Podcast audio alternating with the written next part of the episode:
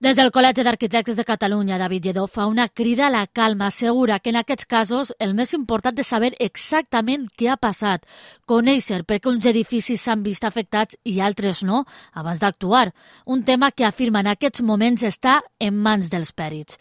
Però per evitar arribar a aquestes situacions extremes, recomana fixar-nos en el nostre propi habitatge, comprovar si hi ha canvis, com esquerdes o humitats, i consultar els experts el més aviat possible. David David Lledó. Hem d'estar molt pendents de la sintomatologia i sempre deixar-nos aconsellar per algun arquitecte o un tècnic que, que, que ens sàpiga i que ens pugui dictaminar què està passant i intentar corregir-ho. És important ser molt proactius en això, és a dir, no deixar passar dos anys, tres anys, sinó immediatament que surt pues, eh, fer, fer venir algú perquè ho revisi i ho repari el més aviat possible. Per tal que el nostre habitatge tingui una llarga vida, també és necessari fer millores i sempre amb arquitectes qualificats. David Lledó. Eh, a vegades quan pensem que comprar una casa o un pis és per tota la vida, sí, és per tota la vida, però vol dir que durant tota la vida també has de fer operacions de manteniment i de correcció d'algunes coses que es van fent de manera inadequada eh, no hem de tenir una por especial, però sí és molt important que cada actuació que fem als nostres habitatges estigui supervisada per, per un arquitecte.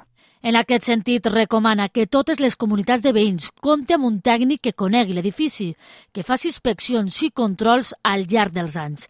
A més, recorda que els edificis de més de 45 anys estan obligats a tindre'l.